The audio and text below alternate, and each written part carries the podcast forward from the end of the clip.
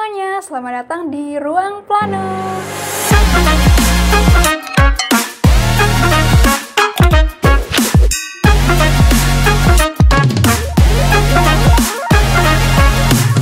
Oke, kemarin kan kita ini ya eh, podcastnya udah ngebahas tentang uh, studio proses, studio rancang kota. Kali ini kita mau bahas studio berikutnya yaitu studio infrastruktur, infrastruktur dan transportasi. Bareng abang-abang semua nih, ada Bang Rizky, ada Bang Mul, terus ada Bang Daud. Gimana Bang kabarnya Bang? Alhamdulillah. Oke Bang.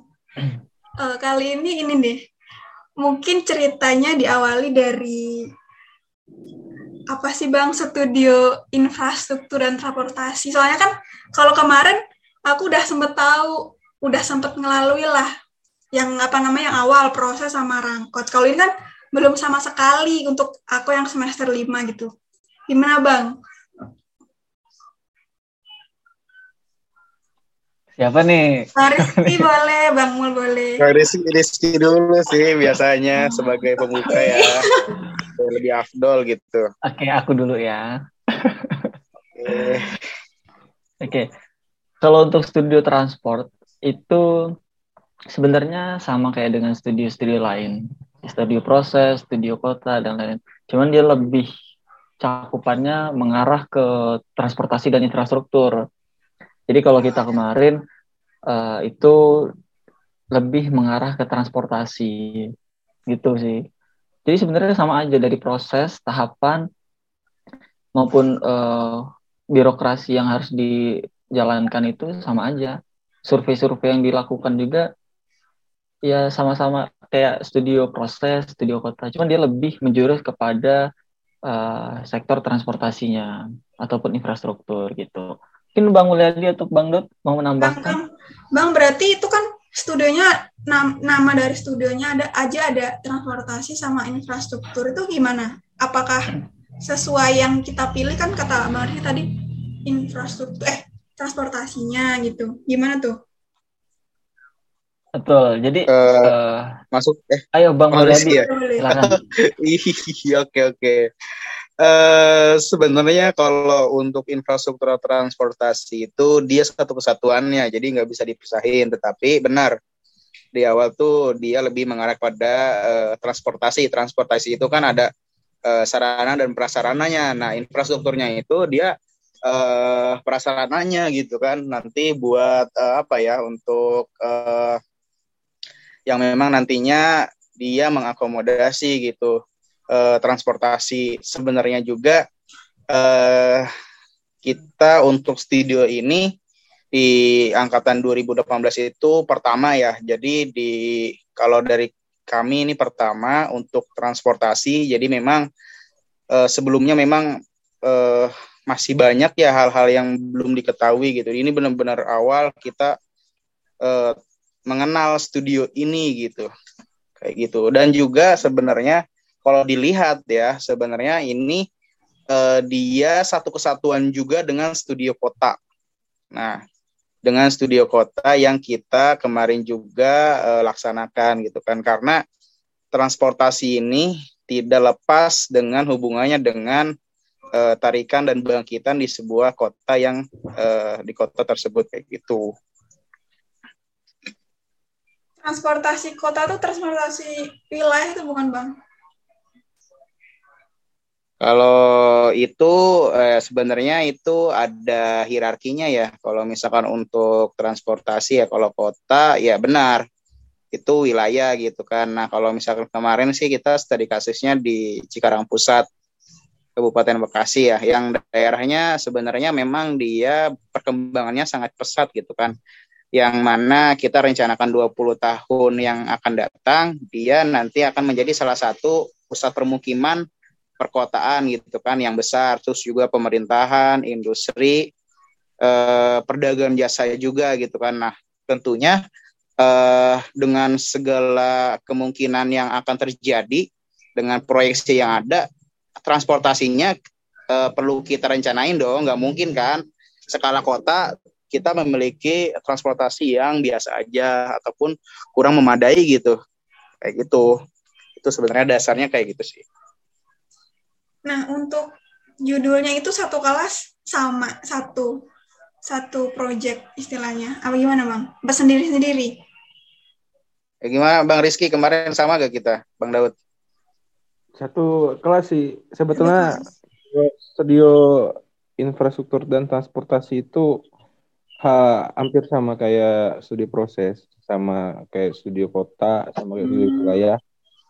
Kebetulan karena angkatan 18 kan udah berapa orang kemarin? Itu cuma ada 13 ya. Jadi dibikin satu kelompok aja dengan satu topik penelitian satu kelompok. iya lebih rumit nggak bang? Ya iyalah. Tebak aja. Sebetulnya sih gimana ya?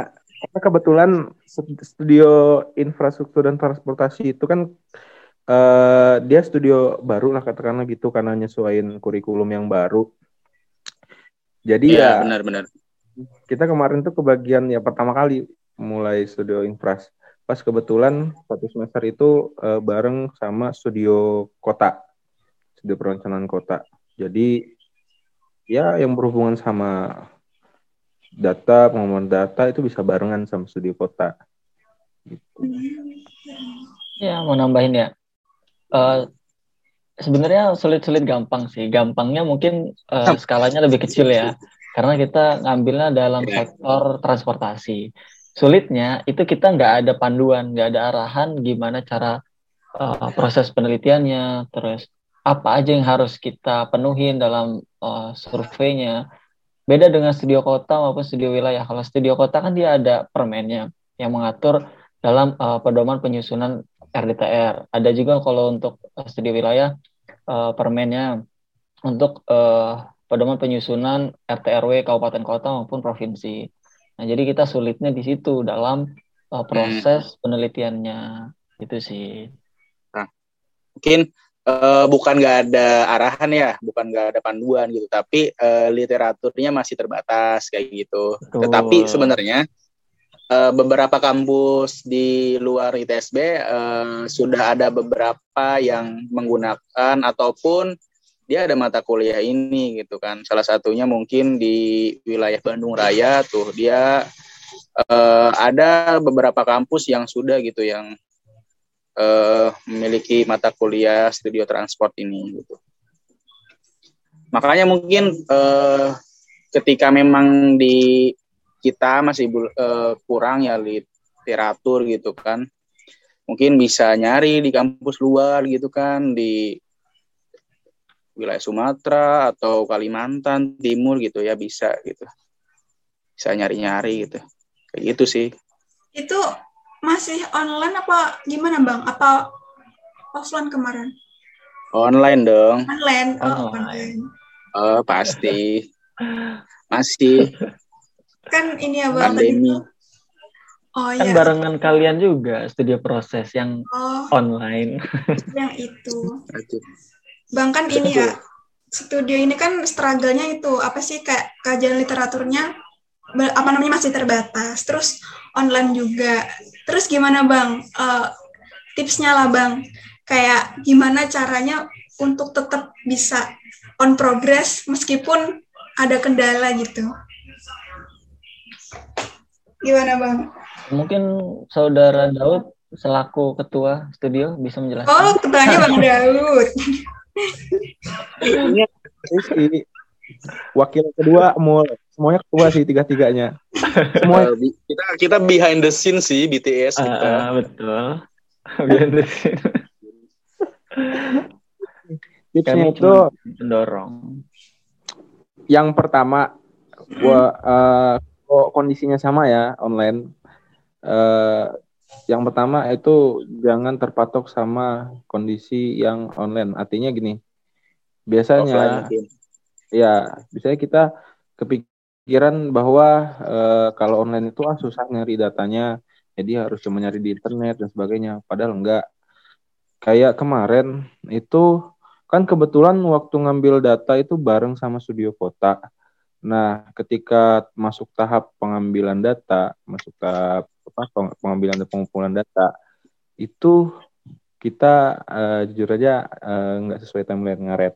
Kenapa? Kita terlalu terpatok sama kondisi yang online. Kita terlalu terpatok sama kondisi yang online. Yang pertama, uh, jangan lupa urus perizinannya dulu deh. Walaupun online, seenggaknya kan kalau mau ngumpulin data, apalagi berhubungan sama data-data yang ngambil ke instansi, itu kan bisa diambil nggak satu kelas langsung datang ke instansi itu enggak jadi bisa eh, apa ya tah uh, bisa diwakilin satu orang. Jadi nggak nggak ada batasan di situ. Terus yang kedua kalau observasi uh, biasanya uh, di masa-masa kayak gini kepikiran aduh nggak bisa wawancara nggak bisa apa ibaratnya nggak bisa sebar kuesioner. Padahal bisa kalau ngumpulin data itu observasi ya udah cukup udah banyak gitu apa literatur atau referensi dari data-data uh, di internet. Gitu sih. Itu uh, tips menurut saya sih yang paling utama yang terpaku sama kondisi yang online. Nanti bakal berpikirnya jadi ngaret gitu jadi apa ah ada kendala kita ngambil data nyari data dan sebagainya gitu. Berarti itu bang terus kenapa tuh? Ayo bang kenapa tadi? Ada. Jangan lupa siapin ini apa tim tempur kecil. Oh tempur. Abang kan ah, berarti ini ya nggak ada selain, ah. selain perizinan yang studio yang dilakukan secara offline-nya apa bang? Kan tadi katanya nggak wawancara, itu gimana tuh? Literatur. Kita lebih banyak uh, apa? Kita ada kok offline-nya. Ada. Bagian apa yang bang? Gitu. Ada. Offline, yang observasi. Traffic counting. Oh, traffic counting. Pertama itu paling paling ini ya, pasti itu traffic counting ya karena itu mau menghitung volume kendaraan. Terus juga kita observasi eh, sarana gitu kan, sarana transportasinya ada enggak gitu kan, prasarananya ada enggak. Lihat di sini ada apa aja sih gitu kan, sarana transportasinya. Apakah ada jalur angkot, apakah ada jalur bus juga, atau ada kereta kah gitu kan, alurnya ke mana aja gitu. Titik-titik kemacetan di mana gitu kan gitu kan. Masalah simpangannya apa. Itu kita ini kok gitu apa kita observasi. Oh ternyata eh ini jalannya masih kurang memadai nih masih banyak bolong. Itu juga suatu kendala yang nantinya kita observasi gitu kan. Itu. Oh, jadi... kalau kuesioner juga ada. Kuesioner tapi kita online ya kemarin kuesioner online, cuman kita lebih ke wawancara sih sama dinas terkait wawancara ya? sama stakeholder stakeholder juga dengan yeah. kebutuhan data. Ya supir. Wawancara ke sopir juga ya kemarin oh, saya. Kita juga terus kemarin juga jalan ini ya kita juga dapat literatur sih dari senior kita. Dari oh. Bang Liam gitu hasil yeah. dari TA ininya tugas akhirnya beliau gitu jadi dipakai. Lumayan. Lumayan ya. Betul. Kayak gitu. Bang bang lumayan banget. iya pasti ya. Kan datanya terbatas. Bang aku pengen tahu deh. Sambil aku catat juga sih kayak uh, apa sih tahap-tahapannya setelah tadi kan identifikasi tuh. Setelah kita nentuin judul. Iya nggak sih bang judul? Terus identifikasi uh, lingkungannya kan. Kayak titik kemacetan terus kondisi jalan gitu-gitu setelah itu apa bang? Mungkin bisa dijawab sama uh, kakak Rizky mungkin ya. uh, mungkin sedikit mungkin beliau ya. yang uh, ya ya cukup apal. Uh, mungkin awal itu kita uh, belum masuk ke judul sih. Awal itu kita kajian dulu. Kita kajian literatur sama kajian uh, based on experience lah ya. Kan di situ banyak tuh teman-teman kita yang dari uh, Cikarang Pusat. Cikarang. Jadi kita hmm, wawancara lah gimana jalan ini gimana, jalan ini gimana, masalah terkait transportasi dan infrastrukturnya apa. Kita pun sempat ribut karena sering berubah-ubah dari uh, mitigasi bencana, terus akhirnya ke kali transportasi. Lama ah, udah beberapa parah. kali ya. lebih lebih lama daripada studio kota. Studio kota kita udah ada topik tuh. Kita studio transport tuh, tuh hampir lebih dua tiga minggu setelah itu baru dapet Iya. gitu. maksudnya setelah Baru dapat. lama deh pokoknya Yang Ya. jelas sih lumayan harus paham dulu apa konteks antara infrastruktur sama transportasi kalau mau cari topik. Karena di situ kita kadang nyari isu permasalahan, kita anggap di situ itu permasalahan dari apa dari transportasi padahal itu tentang infrastruktur. Jadi kalau kita mau studio yang penting apa eh, Ya. paham dulu sih konteks antara infrastruktur sama Hmm, transportasi. betul. Persepsinya harus harus paham dulu eh, deskripsi segala macam. Itu harus paham apa yang dikatakan infrastruktur, apa yang dikatakan transportasi, mana yang masuk bagian infrastruktur, mana yang masuk transportasi. Karena eh, nanti arahnya itu bakal beda kalau kalian salah persepsi. Itu harus dikuatin dulu. Makanya ada kajian literatur maupun eh, kajian secara based on experience. Ataupun kalian mau lakuin itu sendiri baru nggak apa-apa. Jadi buat pertimbangan eh, untuk penentuan judul. Nah, dari eh, isu-isu potensi masalah tadi, baru tuh ketemu apa judul yang paling besar yang bisa mencakup isu-isu tadi tuh, yang bisa masalah-masalah itu dalam satu judul bisa terpecahkan.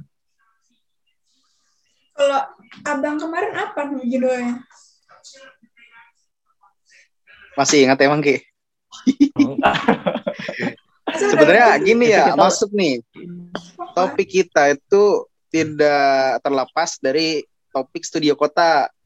Karena eh, tadi kenapa studio kota itu lebih cepat? Karena memang dia eh, apa ya kalau bisa dibilang nanti akarnya tuh ke studio transport gitu dia Tuh. pendetailannya lebih detail gitu. Kalau studio kota kan lebih general ya. Nah dengan memenuhi kebutuhan di studio kota dan sekitar sekitarnya nanti baru kita bisa ini nih ngelihat gitu kan potensi-potensi dan masalah yang ada di transportasinya gitu kan. Kemarin itu kalau Betul. nggak saya masih ingat gak ki judulnya? Masih.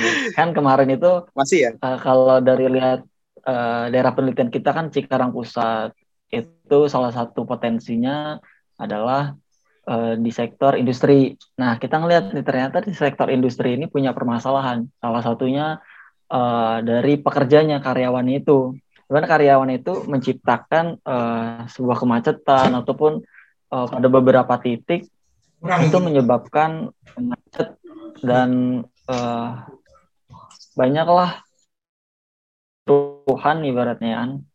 Jadi itu banyak eh, sikutnya antara transportasi umum maupun eh, transportasi pribadi.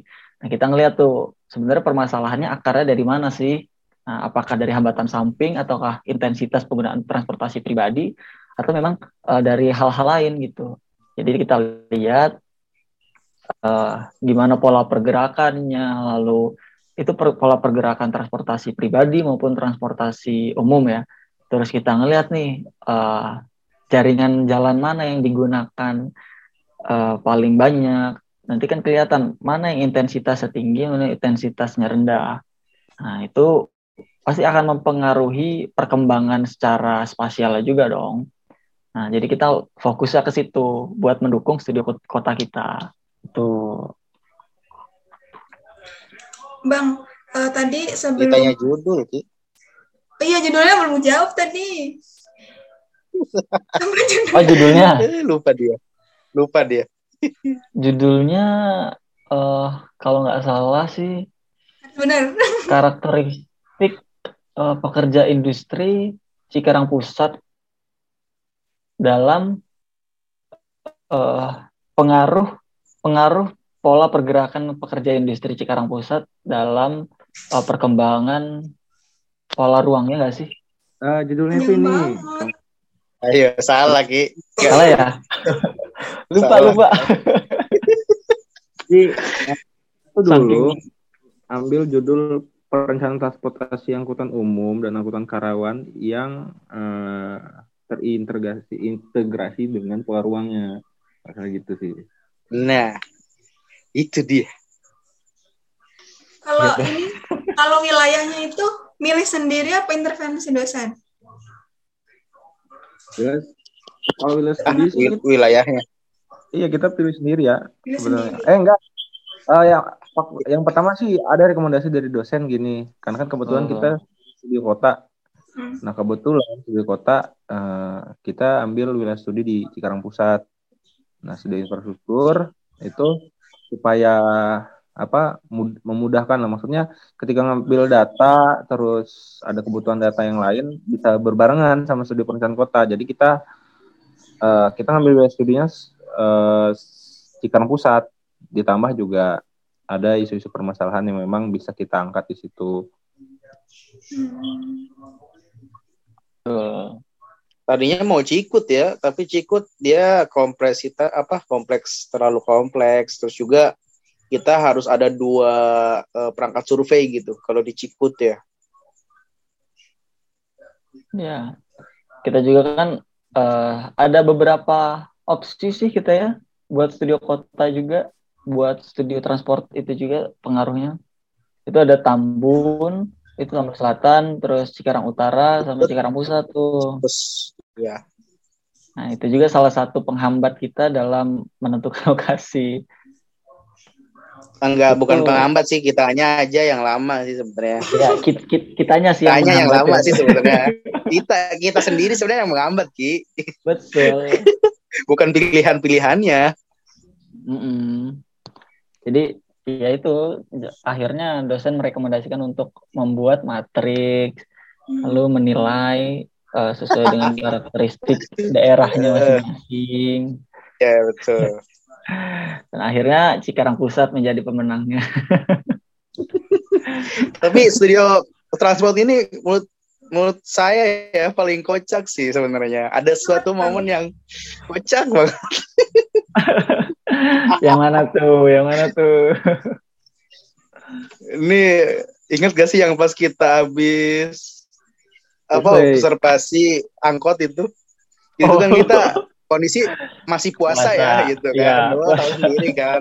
Panas gitu kan, hausan. Ya Allah, pulang-pulang lah. Tahu Di situ sendiri lah. Oknum lah pokoknya, oknum-oknum yang survei. Itu oknum-oknum ya. Iya, nggak kuat god. Sudah itu menjadi cerita di balik layar. yang paling. Yang paling abang-abang suka dari studio ini apa? Selain dukanya ya. Yang paling oh Enggak kita nggak ada duka, kok nggak ada duka di studio Suka. apa di studio transfer nggak ada. Suka. Suka semua suka ya. Suka oh suka banget. semua. Tapi bohong. Hei Anda ya, ini direkam ya Anda. Astagfirullah, maaf ya. Ini kita bercanda. Ya pasti Yang ada lah suka ya? suka dukanya. Suka. Saya sukanya, Apa tuh? sukanya. Momennya sih sebenarnya momen yang lagi puasa sih. Oh ngabuburit mungkin tuh karena kita ngabuburit ya.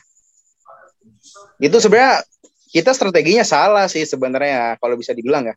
Sebenarnya kita harusnya observasi sebelum puasa. Betul. Itu baru Tapi H plus 3 puasa ya kita ya.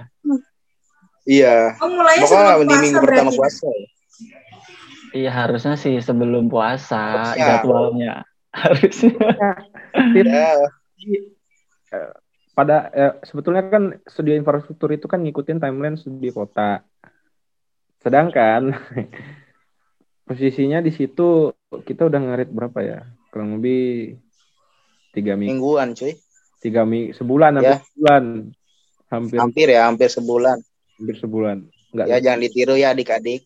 Iya makanya kalau kita yang pertama itu ya suges kalian walaupun nanti ya nggak tahu ya mudah-mudahan nanti kalian studionya udah posisinya offline. Min. Jadi eh, Amin. ya kalau nggak ya online. Eh, Bang kita masuk kapan sih Bang kira-kira Bang? Tahun ini ya. Kan katanya tahun, Belum, tahun ini Belum, belum ya. belum. Masih masih online. Masih online. Masih, masih online. Ada rencana hybrid sih untuk praktikum sebenarnya. Ah, mungkin itu opsi yang paling terbaik sih. Praktikum ya, mungkin kalau misalkan kayak studio kota ini kalian masih bisa sih sebenarnya. Apa? Mungkin So, ya. ya, maybe. Intinya sih kalian yang pertama utamain eh, perizinan tuh jangan sampai ngaret banget sih.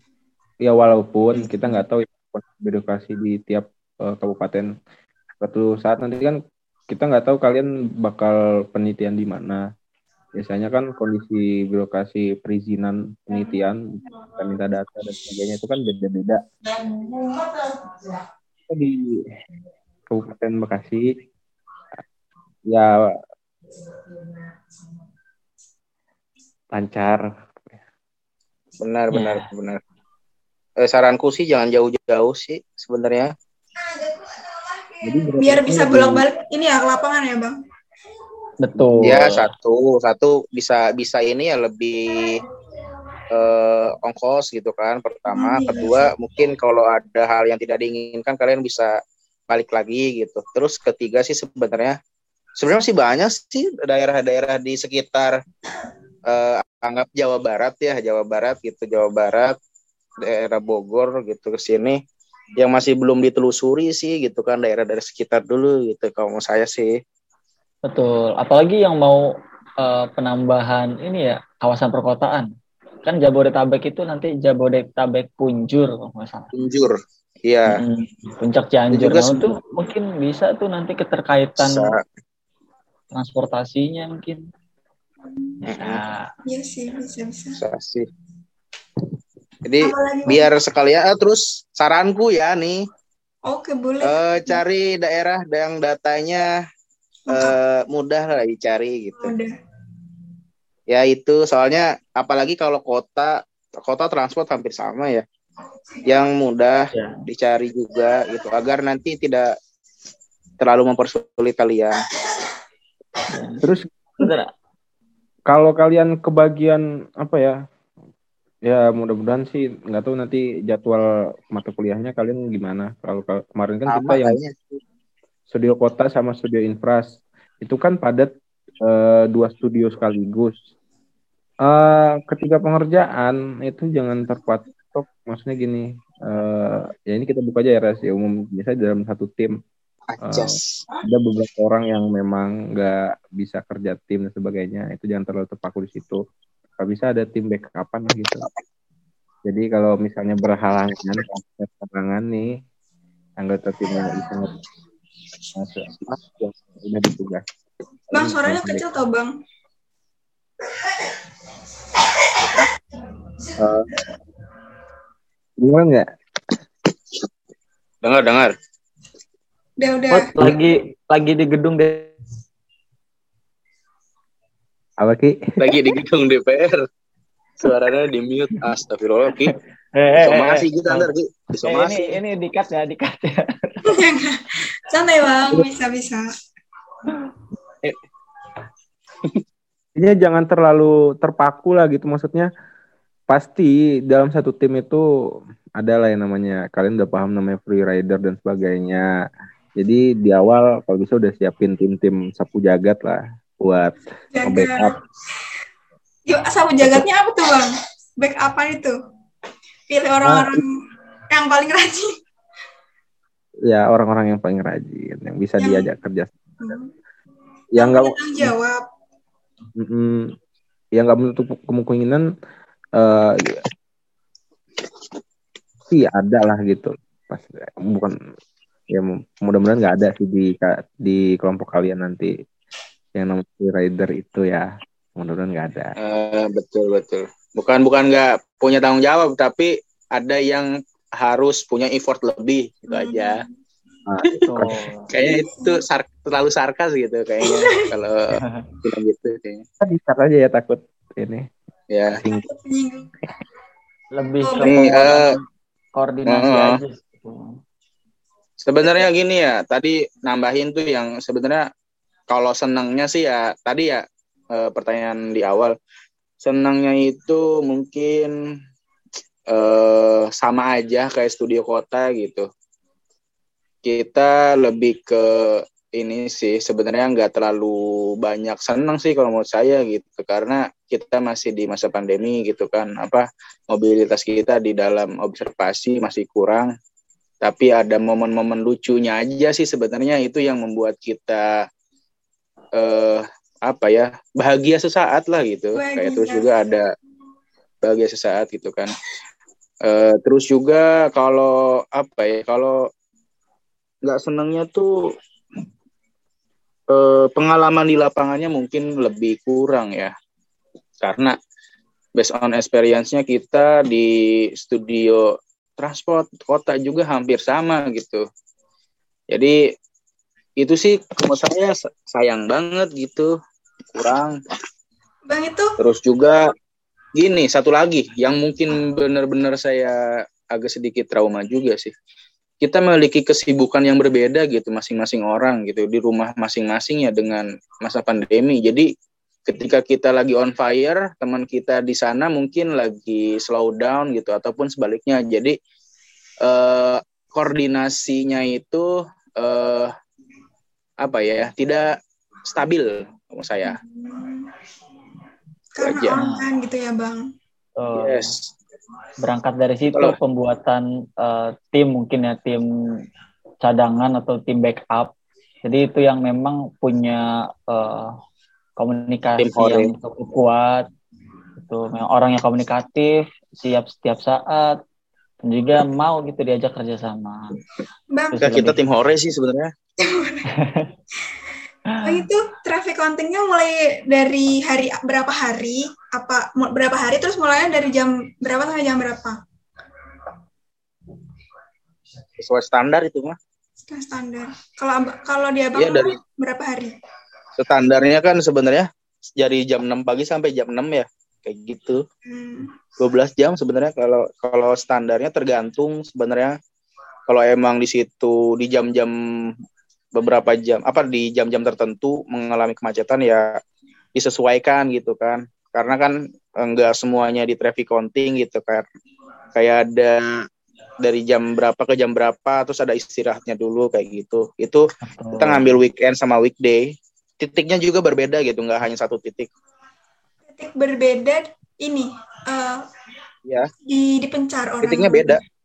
Ya betul dipencar lah gitu. Kita ada beberapa titik gitu karena kan yang uh, ada volume besar gitu kan kendaraan gak cuma di satu titik, kita harus melihat juga yang lain.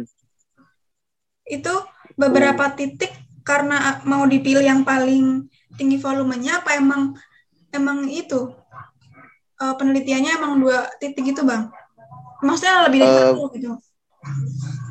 Ya masih di satu wilayah yang sama ya sebenarnya tetapi hmm. uh, arahnya yang berbeda. Terus juga dia uh, karakteristiknya ya ada yang memang dia uh, banyak ke apa kendaraan industri ada pun di karyawannya ada dari yang daerah lain gitu kan. Jadi karakteristik yang berbeda-beda sih sebenarnya gitu kan. Nah itu menjadi salah satu uh, alasan kita gitu kan untuk memilih titik-titik itu. Oh, ini ya melihat karakteristik karakteristik wilayah. Oke bang, bang ini ini ini ya terakhir ya bang. Tingkat kesulitan studio infrastruktur dan transportasi. Tujuh. Tujuh. Ih kok bareng sih? Eh kok sama sih? Ya. Mungkin mungkin uh, perspektif kita di sini sama. oh iya, soalnya kan ini ya. Mungkin uh, apa sih? Dominan yang ngerjain kalian. Ya, nggak susah banget tapi dia tuh nggak susah banget tapi apa ya ad, ada slipnya gitu. Sebenarnya uh, kesulitannya itu lebih kepada sumber daya manusia dan juga data, uh, data manajemen data, waktu. Hmm, itu sih. ini ini kalau kalau saya mau lihat. Kalau data itu sebenarnya uh, tergantung di mana usaha. Kita, karena bisa bisa aja kita ngambil data kemarin ke perusahaan cuman memang waktu juga manajemen waktu Waktunya kita terlalu bener. banyak ngabiskan di awal jadi ya begitulah jadi waktu dan sumber daya manusia yang mau uh, berkoordinasi untuk mengerjakannya Itu sih. Hmm, mantap. Oke. Oke, Bang. Ini ini ini ya, udah selesai ya. Oke, jadi oke buat teman-teman di sana yang nanti bakal studio ini ada ada tips dari abang-abang nih. Yang pertama itu urus perizinan kalau bisa nggak ngaret. Terus eh, kalau bisa cari kota yang datanya lengkap, ya nggak bang? Terus sama ini, eh, jadilah partner terbaik di kelompok ini, mungkin kayak gitu. Ada lagi nggak bang? Eh, mungkin lebih ke manajemen sumber daya manusia ya. Oh, manajemen. Jadi penempatan orang-orangnya itu harus tepat. Jadi jangan yang bisa peta dilakuin untuk analisis kelembagaan itu kan nggak nyambung. Jadi eh, lebih ke penempatan yang sesuai dengan kemampuan masing-masing gitu. Itu tugas ketua yang harus tepat dalam penempatannya. Oke. Tuh, sama manajemen waktu sih. Itu yang harus dikuatin. Betul.